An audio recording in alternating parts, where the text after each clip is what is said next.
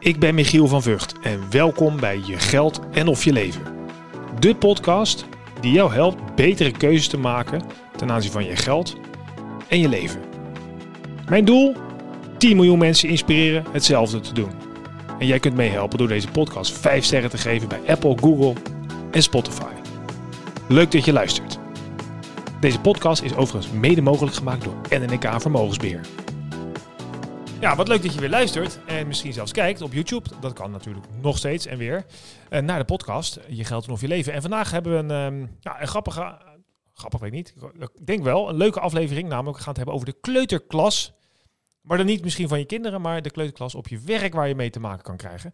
En daarom zit tegenover mij Saima Kuipers. Ja, leuk. Ja, leuk leuk. om hier te zijn. Ja, leuk dat je er bent. En ehm, nou ja, jij vroeg, eh, of ik vroeg aan jou, waar gaan we het over hebben? En toen zei je de kleuterklas. Dat was een beetje de introductie. Eh, dat vond ik wel grappig, want ik, eh, wij liepen hier net naar de, naar de studio toe. En daar liepen langs een aantal speeldingen die wij hier op kantoor bestaan. Een eh pingpongtafel, een voetbaltafel, dat soort dingen. En dat, is eigenlijk wat je wil. dat was een beetje de bedoeling die jij had ook met. je moet meer gaan spelen. En dat maakt je werk leuker. En dan ga je meer gaan samenwerken, want jij bent een specialist in leiderschap en teamontwikkeling. Ja, En klopt. dan benader je een beetje vanuit de kleuterklas. Ja, en dat is eigenlijk ontstaan omdat ik in organisaties en bedrijven waar ik kom veel hoor van... oh, het zijn net een stelletje kleuters hier of het is hier net een kleuterklas. En eigenlijk zeggen we daarmee, de ander doet iets wat wij niet goed vinden. Hè? Of de ander, die, ja, die doet iets wat niet goed is. Want de kleuterklas is een chaos en mensen doen Ja. maar waar ze zelf Ja, hebben. nou, dat is het. Mensen doen, willen alleen maar doen wat ze leuk vinden. Ze werken slecht samen. Het is een chaos. Iedereen doet maar wat. En soms is dat ook zo, hè? Maar dat is niet per se verkeerd. En toen dacht ik van ja, zijn we eigenlijk echt? Gedragen we ons echt als kleuters? Of kunnen we veel leren van dat kind in onszelf? Ja. En eigenlijk is de conclusie zeker het laatste. Dat we veel kunnen leren van het kind in onszelf. Eh, en dat ook wel op de, op de werkvloer, maar sowieso in ons leven, wel wat meer terug mogen komen. Want we, we zijn echt heel goed geworden in volwassen zijn. is niet per se verkeerd. Maar in sommige gevallen, zeker als het gaat over werkplezier of geluk in je leven, mag dat spelen wel wat meer terugkomen. En we zijn er best goed in als mens. Hè? Want, eh, eh, ga, eh, ga op YouTube op zoek naar grappige filmpjes van mensen. Je vindt er genoeg. ja. Alleen op het werk nemen we onszelf best wel serieus. Dus eigenlijk pleit jij om wat meer kinderachtig te gaan doen. Ja. Wat meer lucht, maar ook wel, er zitten ook wel andere lessen in hoor. Dat is, als je echt kijkt naar hoe kleuters naar anderen kijken, dan zit daar ook heel erg de. Ja, als, ik kan als voorbeeld noemen, als een kleuter leert spelen, dus als wij leren spelen, als we peuter zijn, nou dan leren we. Zijn we vooral met onszelf bezig. Hè? Dus dan, eh, dan willen we ook vooral dat iemand anders niet met ons speelgoed speelt. Ja, precies. Maar als we vier of vijf worden, dan leren we echt dat het belangrijk is dat we iemand anders nodig hebben om het spel leuker te maken. Dus als jij eh, politieagentje wil spelen, dan heb je iemand nodig die de boef is. Ja. Of als jij eh, bakker wil zijn, dan heb je een klant nodig. Of als je voetbalt, heb je iemand nodig die op het doel staat. Nou, zo.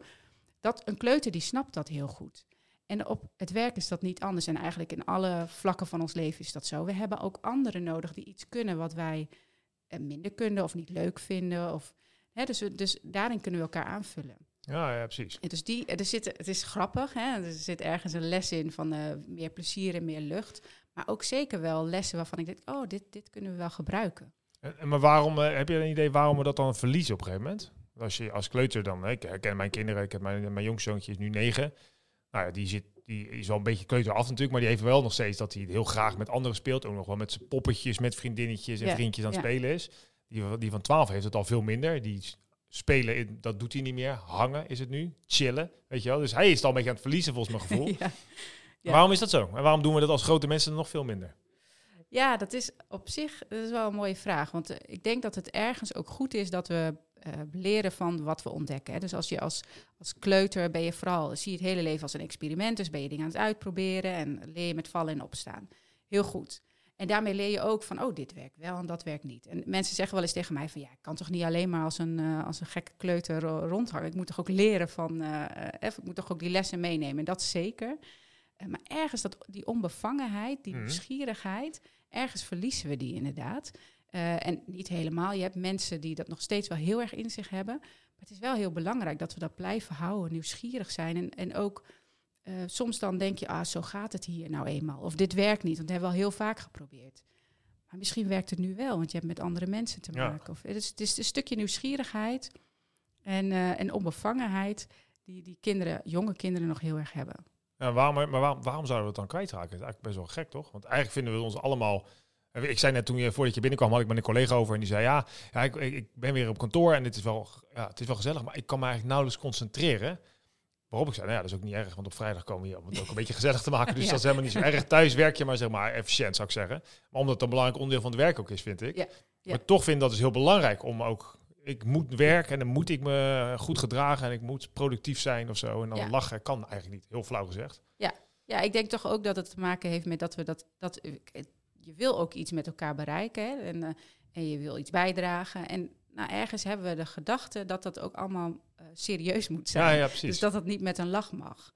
En soms is dat ook zo. Hè. Ik kom ook wel in organisaties waar, waar het echt wel heftig is, waar mensen te maken hebben met eh, nou, pittige, pittige manieren van werk. Dus in de zorg bijvoorbeeld, of binnen de jeugdzorg kom ik ook veel. eh, gemeente, overheid. Dan kom je ook wel in gezinnen waar het niet goed gaat. Ja. Of eh, eh, nou, als je in een ziekenhuis werkt, hè, als mensen overlijden, tuurlijk, dat is, dat is echt pittig. Dus dan hoef je. De, de- ik, ben- ik je hoeft niet overal om te lachen. Nee, precies. nee, zeker niet. Maar humor kan wel helpen. Dus ook als je het over zware onderwerpen hebt, kan het zeker helpen om het wat met meer lucht aan te pakken. Daarnaast kom ik ook wel veel in organisaties waar, waar mensen echt ook wat ik net noemde, de hele tijd zeggen van goh, ja, maar zo gaat het hier. Of ja, dit werkt niet, hebben we al geprobeerd. Maar ja, is dat echt zo? Werkt het echt niet op dit moment? Hè? Tuurlijk Hm. is het goed om te leren van wat je in het verleden hebt gedaan. Alleen soms is de, is de omgeving anders. Of heb je te maken met andere mensen. En om het dan toch nog weer vanuit de nieuwsgierigheid te kijken van... goh, we gaan het proberen. Nou, is niet per se slecht. En dat kan soms ook met op hele goede dingen uitkomen. En soms ook niet. En dat, dat mag dan ook. Maar ehm, ik, het is natuurlijk zo, naarmate je steeds meer leert, ga je volgens mij steeds meer patronen ontdekken Ja. en denken dat je daaraan vast moet houden. Ik, ik heb zo'n filmpje wat zo grappig is van mij, datzelfde zoontje waar ik net over had, die, die gebruikt mijn vrouw naar training. Dus de, daar zit, ze met, zit hij met een vriendinnetje op de bank en dan vraagt eh, Merel, joh, eh, wat is de laatste letter van het alfabet? En dan zegt dat meisje zegt Z en hij zegt, nee, dat is het. Oh ja, ja, ja, ja, ja. Nou alfabet. Dat, dat klopt. Het klopt allebei. Fantastisch. Maar, eh, zeg maar de juf zou het fout rekenen, want zeg maar, we gaan uit, het is moeten Z zijn. Terwijl eh, hij vanuit zijn onbevangenheid en wat je eigenlijk zegt, en nog geen patroon en zo hoort het te zijn, zegt hij T. Wat in de beide gevallen dus waar eigenlijk klopt. En dat zeg maar wordt dus nu fout gerekend. En de volgende keer gaat u dus de Z zeggen en verlies je eigenlijk dat patroon van eh, vrij denken. Ja. En dat krijgen we, dat, we worden natuurlijk ook een beetje gestraft misschien. Ja, dat absoluut. Ja, dus en daar eigenlijk pak je hier echt een heel mooi voorbeeld, vind ik dit. Want daarmee pak je het ook van eigenlijk is het allebei waar. Alleen eh, je denkt allebei op een andere manier. Ja. En, dat is, en, en ik denk dat je, dat je hm, hè, als iemand dan zegt van ja, dat is fout. Als je dat zegt, dan inderdaad, dan krijg je dat patroon. Je kan ook zeggen van, oh, wat goed dat je op deze manier denkt. Ik had de vraag anders, anders bedacht. Ja. Eh, en hoe zou je, en dan de vraag toelichten, en dan komt hij misschien wel op de zet uit. En dus dat je, eh, maar niet afstraffen van dat hij op een andere manier denkt. Ik denk, dat moet hij niet verliezen, want dat is zonde. En dat, dat is ook als je, als je werkt met mensen, je komt daar ook mensen tegen die echt anders denken. hè. Ga, eh, lees een opdracht voor, bijvoorbeeld een tijd geleden was ik ergens en dan moest iemand een, een website bouwen. En in, in die afspraak stond van, nou ja, de website moet af zijn en dat gaat op die en die datum live. Nou, prima. Dat zou je denken van, die website is helemaal af. Die gaat ook echt eh, online en dan kunnen mensen naar www. Nou, wat het dan ook is, .nl gaan. Die datum kwam dichterbij. En wat gebeurde er? Die website was af. In die zin, er stond een basis, een soort van eh, design stond er. en dat was het. Dus ze hadden eigenlijk niet goed gecheckt van wat bedoelen we nou Ja, precies, met af. Dus ze denken allebei op een andere manier. Dus ook daarin denk ik eh, gewoon nieuwsgierig zijn van wat bedoel je nou eigenlijk ergens mee. Eh, en dat we ook niet gelijk afstraffen van ja, maar dit snap je toch wel dat ik dit zo bedoel. Dus we En gaan daar- doen veel, veel te veel aannames. Ja, eigenlijk wel. Ja, Ja. Dus vandaar ook. En die eh, kinderen, als ik kijk, mijn, mijn jongste zoon die is kleuter nu op dit moment. Een hele leuke leeftijd. Maar wat die doen, is continu vragen stellen. Waarom? Waarom? Ja, ik toch op een gegeven Ja. toe, hè? ja. Nou ja, maar eigenlijk Ja. dat zeg je, dat merk je dus ook. Waarom? En dan denk ik, ja, nou heb ik al honderd keer. Dan, Ja. Je straft het eigenlijk, nou ja, je probeert het niet te doen, maar op een gegeven moment wordt het zat. ja, of waarom, daarom. Ja. Ik doe het ook, hè. Dus het is. Eh, maar hij kan echt vragen stellen als van eh, waarom is dat lichtklopje eh, wit en niet zwart? Of het is en dan de hele tijd door. Maar waarom dan? Ook als ik dan een antwoord geef waarvan hij zegt van ja, vind ik helemaal niks. Dan stelt hij hem nog een keer, net zolang tot dat ja tot het goede iets, antwoord. Ja. ja, precies. Dat ik iets zeg waarvan hij denkt, oh, oh ja, maar dit kan ik wel begrijpen. Soms zegt hij ook, oh zo, oh. Toen denk ik, oké, nou, nou heb ik Nou iets genoeg. gezegd wat blijkbaar past. maar dat is, ja, die nieuwsgierigheid, inderdaad, dat ik zeg maar waarom vragen stellen, waarom doen we dit eigenlijk op zo'n manier? Dat, dat eh, is denk ik heel belangrijk. Maar wat heb je, wat, oké, dus dan, ik denk dat we dat leuk vinden en het klinkt vrolijk. En, eh, maar waarom zou ik als bedrijf denken, joh, dat ga ik doen? Wat heb ik eraan? Ja, dat is eh, een mooie vraag. Ik denk dat ehm, als je kijkt waar we het net ook al over hadden in een team, ehm, daar worden best wel veel aannames gedaan. Eh, of, of dat mensen samen moeten werken en eigenlijk helemaal niet goed weten.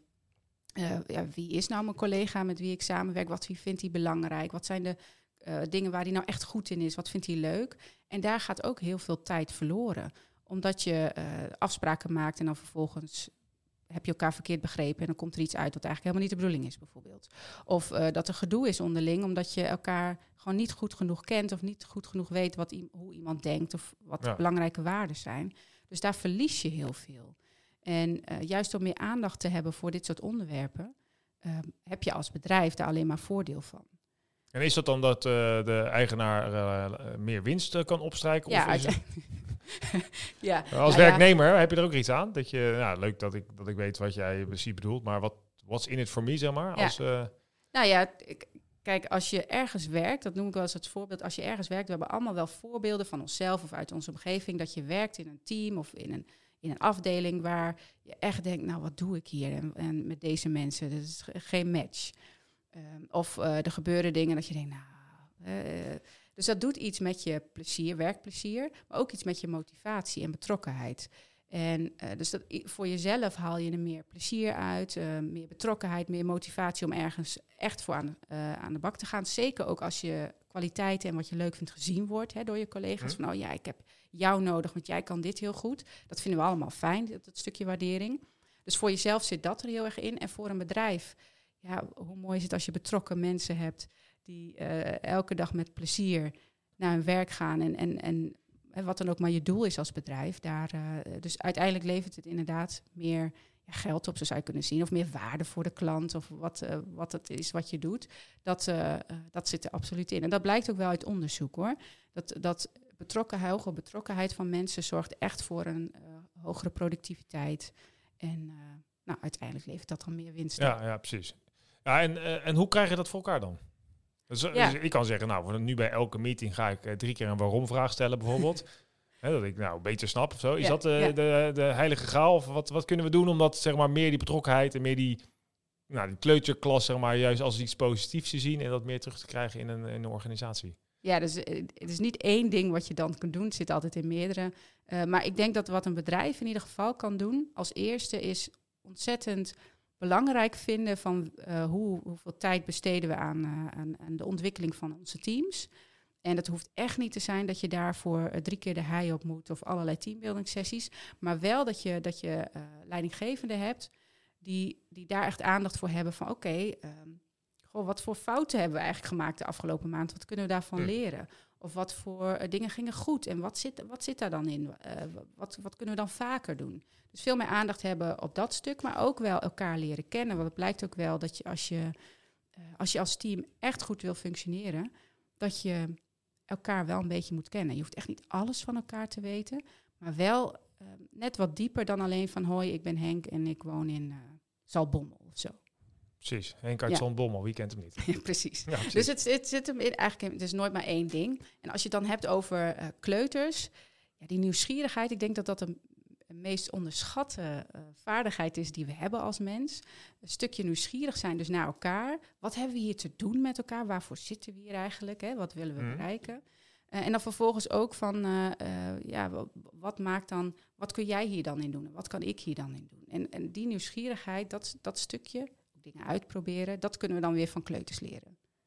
Dus kijk, ik kan me ook wel ehm voorstellen, als je dus, hè, daar is natuurlijk een beetje zo over na te denken, dat je, dat je dus dan meer betrokkenheid krijgt en meer gevoel van zingeving, dat je echt iets waardevols doet. En misschien nog niet eens zozeer dat je het bedrijf prachtig vindt, maar omdat je je collega's eh, leuk en aardig vindt, dat dat ook wel bijdraagt.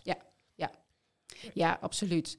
Eh, ja, ik weet niet of je zelf wel eens ervaringen hebt dat je denkt, oh, ik weet niet of ik hier, eh, of ik hier pas of dat er, dat, dat er gedoe is onderling. Maar Ik had toevallig vorige week of twee weken geleden iets geplaatst, geplaatst op LinkedIn van wat kun je nou doen uh, als je, jij en je collega elkaar niet zo liggen. Hm. Uh, dus uh, daar zijn onderzoeken naar gedaan en dat zijn een aantal simpele dingen die je kunt doen om elkaar dan toch iets aardiger te vinden. Hè. Dat, dan, dat, dat, vind ik dan leuke dingen. Dat ja. denk ik, oh, dat gaan we uitproberen. Ja, maar wat ik dan merk aan de reacties van mensen is dat er echt mensen zeggen van ja, ik negeer mijn collega gewoon. Of ja, nou ja, ik doe gewoon mijn ding en ik ga weer naar huis en dan is het klaar. En dat vind ik zo zonde voor die mensen zelf eigenlijk. Eh, niet alleen voor het bedrijf, want dat is ook, uh, dat denk ik, ja, dan heb je eigenlijk alleen maar mensen die iets doen, komen doen en dan gaan ze weer weg. Ja, zeker. Ja. dat is jammer, maar ook voor mensen zelf. Want wat doet dat met je plezier als je elke dag eigenlijk je collega's een soort van omzeilt omdat ze niet leuk zijn? Dan kom je thuis en dan heb je natuurlijk ja. eigenlijk een rotdag gehad. En dat reageer je natuurlijk af op je kinderen en partner. Wat die, uh, hebben, die zijn er de dupe van. Maar wat zijn dan, wat je zei, je kan een paar dingen geplaatst. En heel veel mensen zeggen, nou ja, laat maar. Maar wat, wat zijn dan uh, trucjes of, of manieren om met die hele irritante collega toch een beetje sympathie te creëren? Ja, dat vond ik ook. Ik ontdekte hem een, een tijdje geleden. En het is, stel je werkt met iemand samen en die vind je eh, nou, op een of andere manier minder leuk. Of je hebt altijd even nou ja, gedoetjes onderling. Hè. Het is iets anders dan wanneer je echt iemand haat, want dan werkt het niet. Uh, maar wat je dan moet doen, is eigenlijk iets aardigs voor iemand doen. Uh, want wat je daarmee uh, doet, is je hersenen die denken dan, ik vind jou niet aardig, maar ik doe iets aardigs. Blijkbaar zou ik jou dan toch wel leuk vinden. Oh, je dus gaat jezelf voor de gek houden? Ja, je gaat jezelf voor de gek houden. En andersom werkt het ook. Dus dat je eigenlijk aan een collega iets vraagt. Hè. Dus ga op zoek naar iets wat de collega goed kan of wat, uh, wat hij leuk vindt om te doen. En vraag dan naar die expertise van die persoon. Uh, en dan krijg je hetzelfde effect. Want die persoon die gaat dan ook denken van, hè, ik doe iets aardigs voor jou. En ze ah. noemen dat het Ben Franklin effect. Ben Franklin? Ben Franklin effect. Ja. Waarom? Uh, wie is Ben Franklin dan? Weet nou ja, dat is dus in Amerika was er iemand die, dat hebben ze zo ontdekt. Dat ging ook over de Amerikaanse verkiezingen. Hoe het 100% zit, dat weet ik niet precies. Maar um, ik weet dat het ongeveer zo gegaan is dat hij de, um, iemand wilde beïnvloeden. en dus ook een expertise van die ander heeft gevraagd. En daardoor minder commentaar van de ander kreeg op zijn eigen werk. Maar ah, het is echt heel interessant hoe, die, hoe dit werkt. Ze hebben daarna ook wel onderzocht. Uh, dat, ze, uh, dat ze dus, ja, dat het waarschijnlijk dus zit in dat stukje jezelf voor de gek houden. Ja, het is ook een beetje de, uh, de reciprociteitsbeginsel. Ik weet niet of je dat iets kent, ja, maar dus ja. ik doe iets goeds voor jou, dan ja. wil jij ook iets goeds terug doen. Dat zit daar misschien ook een beetje achter. Ja, klopt. Ik heb wel eens een keer een onderzoek gelezen dat, dat in 1910 of zo, echt heel lang geleden, toen was er... Um, nee, 1980 was een grote aardbeving in Mexico, geloof ik. En toen was het land dat uh, een van de eerste reageerde als steun was volgens mij Ethiopië. Maar die hadden toen die hongersnood. Dus die hadden eigenlijk helemaal niks. Maar die hadden, konden toch 5000 eh, dollar bij elkaar sprokkelen. En die gaven dat. En de reden was van ja, in 1910, dus 80 jaar ervoor of zo. Ja, ja, dat ken ik, ja. Hielp Mexico ons toen de Italianen binnenvielen. En dan heb je het echt over, een, dus we moeten nog steeds wat terug doen. Ja. Dus een heel sterk beginsel. En dat zit hier misschien ook een beetje achter dit Ben Franklin ja, effect. Ja, ja, ja klopt hoor. Ja, dat je toch het gevoel hebt. Ja, het is aan de ene kant hou je jezelf voor de gek. Aan de andere kant krijg je die, dat stukje wederkerigheid. Ja, je onderbreekt misschien wel een beetje die spiraal die ontstaat. Is dat iets wat kleuters dan ook doen? Zijn die al zo uh, gehaaid? Ja, daar heb ik dus ook over nagedacht inderdaad. Ik heb dat nog niet helemaal ontdekt. Uh, daar, waarschijnlijk niet, want die. Jouw zoontje doet niet van mama, ah, ik vind je zo lief... en dat hij dan later vraagt, mag ik een snoepje? Nee, nou ja, nee, wel. Ja, maar eigenlijk, ja, precies. Dat natuurlijk wel. Ik bedoel, mijn, uh, mijn kind weet heel goed waar hij naartoe moet. Ja. of hij een snoepje wil of niet. Nou ja, en wat, wat, wat natuurlijk grappig is aan kleuters. Uh, uh, die hebben nu hebben ze gedoe en over vijf minuten zijn ze het weer vergeten en vinden ze elkaar weer leuk. Hè? Dus dat, ja. dat, dat hebben kleuters veel meer dan dat wij dat hebben.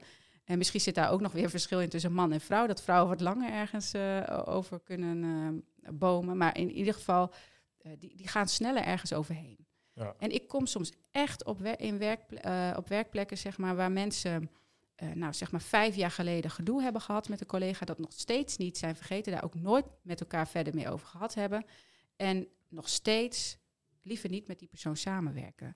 Terwijl, ja, als je het erover hebt, of inderdaad even weer die toenadering zoekt, Misschien valt het dan wel heel erg mee, maar als je het nooit probeert... Nee, dan, dan wordt het ook steeds groter ja, ja, en daar heb je uh, zelf, dat is natuurlijk voor jezelf is dat vervelend, maar ook als werkgever, dat je gewoon mensen hebt die elkaar, die misschien wel elkaar heel goed kunnen versterken, omdat ze allebei iets kunnen wat, wat elkaar uh, verder kan helpen. Maar eigenlijk gewoon liever niet met elkaar eh, werken. Dat is zonde. Ja, dat snap ik ja. Ja. Nou ja vanuit menselijk perspectief is dat sowieso zonde. Ja. Het is, we worden toch niet vrolijk van eh, ruzies en, eh, en dat soort dingetjes Nee, in die end. Nee, maar er gebeuren natuurlijk ook hele goede dingen. Het is niet alleen maar dat het, eh, dat het niet goed gaat. Eh, maar ja, eh, eh, juist die, die, die, dat stukje kind zijn en dat spelen, en nieuwsgierig zijn, dingen uitproberen.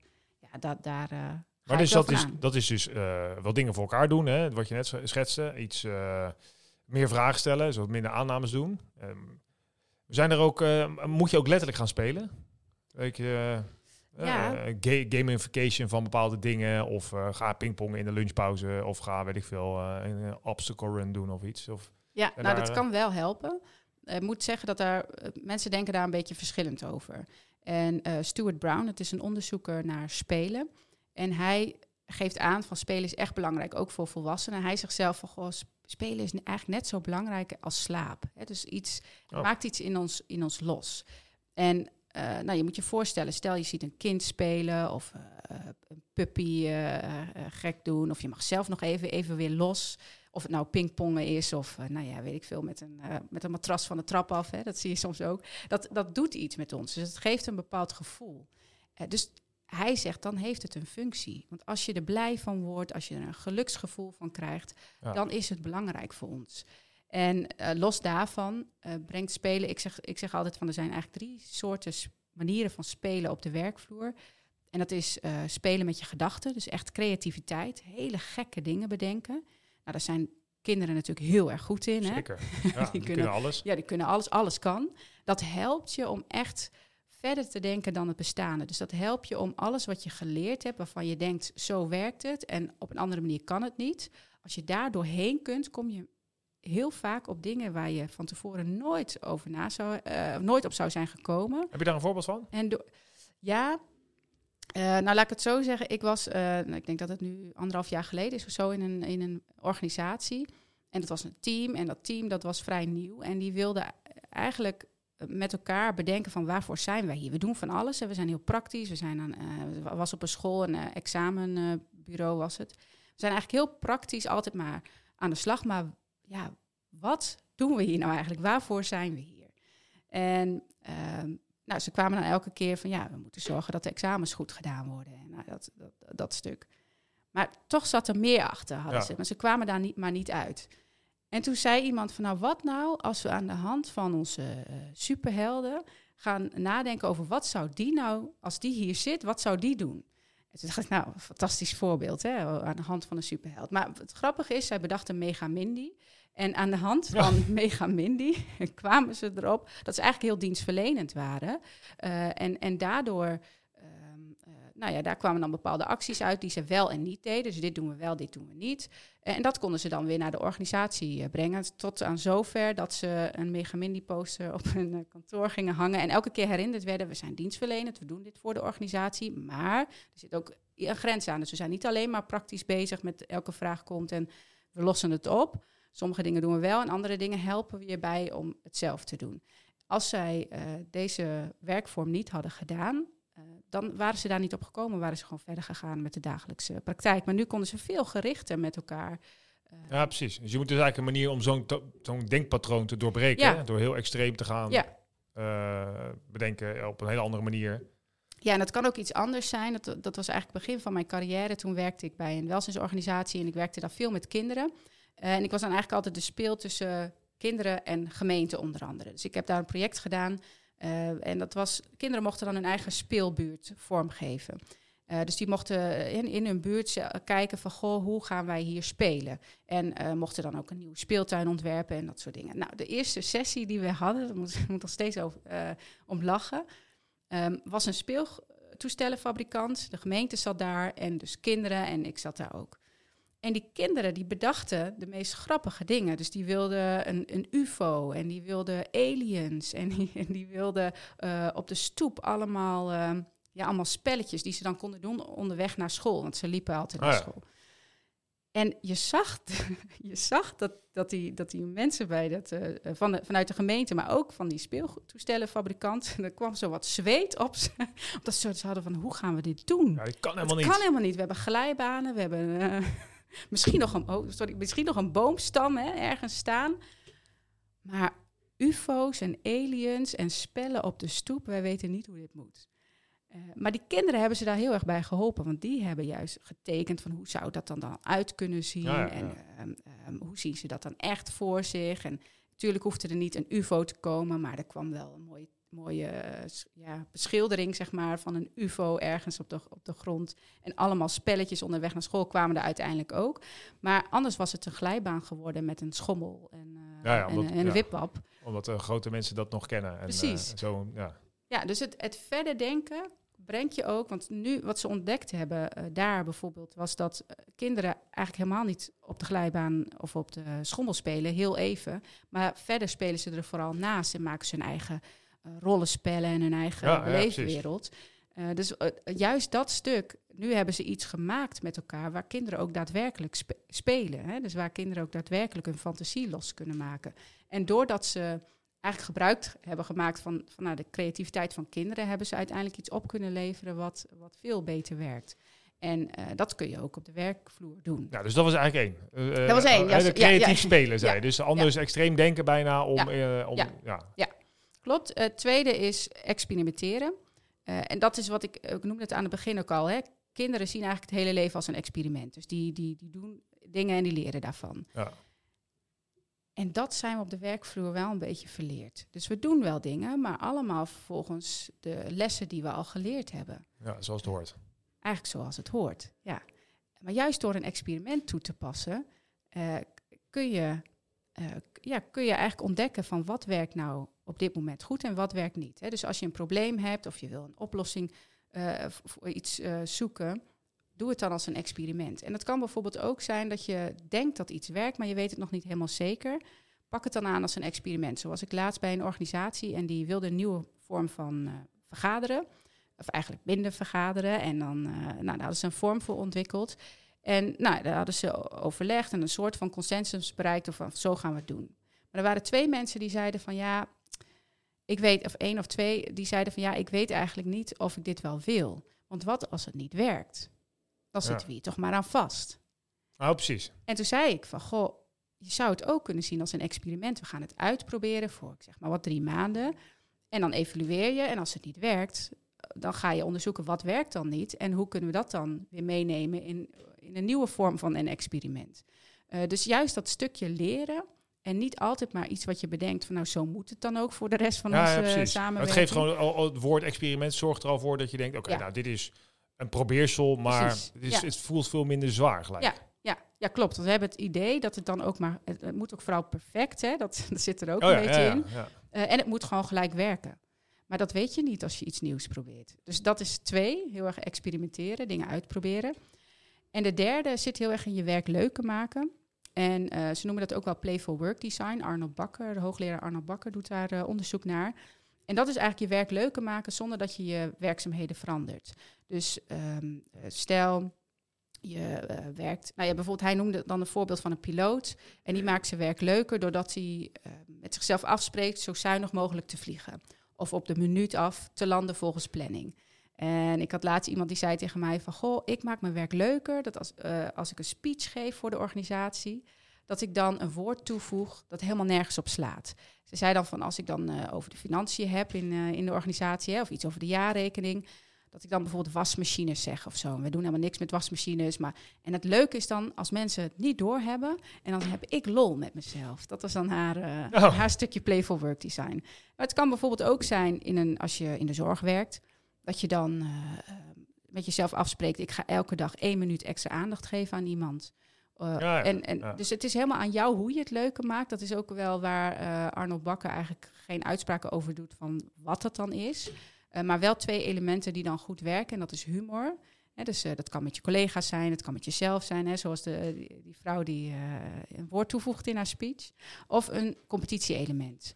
En ik kan me dat zelf nog herinneren tijdens een bijbaantje wat ik had. Dat ik dan met, uh, ik werkte achter de kassa, zoals heel veel mensen. En dat ik dan met een collega tegenover mij een soort wedstrijdje deed over wie het snelste een grote car ja, precies. had gescand. En als ik daar nu aan terugdenk, denk ik van ja, ik vond het werk eigenlijk niks aan. Maar dat maakt het werk Dat maakt het dan leuker. wel leuk, ja. ja. Ja, dus ik doe me een beetje denken aan, uh, uh, aan The Office. Ik weet niet of ja, die, ja, ja, ja.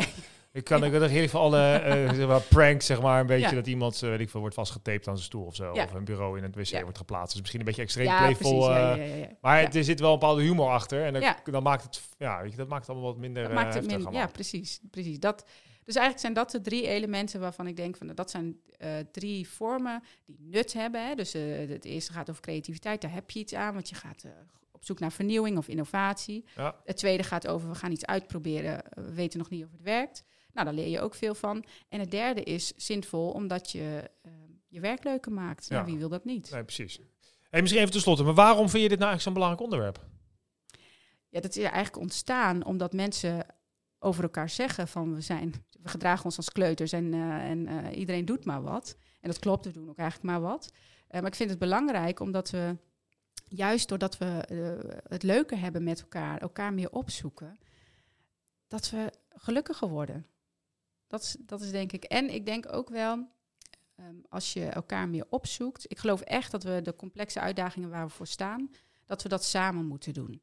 En dat dat ook de enige manier is waarop we ergens uitkomen. En of dat nou een, een, een probleem is in je werk of een uitdaging die je als bedrijf hebt of in de samenleving. We moeten het samen doen. We zijn op, we zijn op elkaar eh, aangewezen. ja. En waarom zou je het elkaar dan zo moeilijk maken? Hè? Waarom zouden we elkaar dan eh, het leven zuur maken, terwijl we ook gewoon heel veel goede dingen kunnen doen?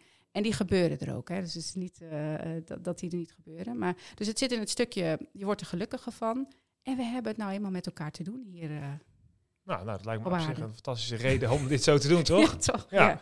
Ja. Hey, hoe, wat, kijk, jij bent onder andere, ik, ehm, ik, jij bent bij Niek onder Ja. andere in het sp- speakersclub eh, betrokken. Dus je bent ook helemaal opgeleid tot een waanzinnige spreker. Dus mensen kunnen je boeken over dit onderwerp. Ja, klopt. Eh, vertel eens, Ja. wat, wat vertel je dan als je Ja, op het podium zit- staat? Het zit heel erg in dat, eh dus de kleuterklas is mijn metafoor. En uiteindelijk heb ik het eigenlijk altijd over samenwerken of leiderschap. Dus ik sta voor of een groep leiden, leidinggevenden. Hè, van eh, het- hoe ga je om met jouw manier van leiding geven? En dan gebruik ik eigenlijk altijd de kleuterklas als metafoor. Hoe kun je zelf een kleuter worden? Hoe kun je je kleuterklas goed Ja.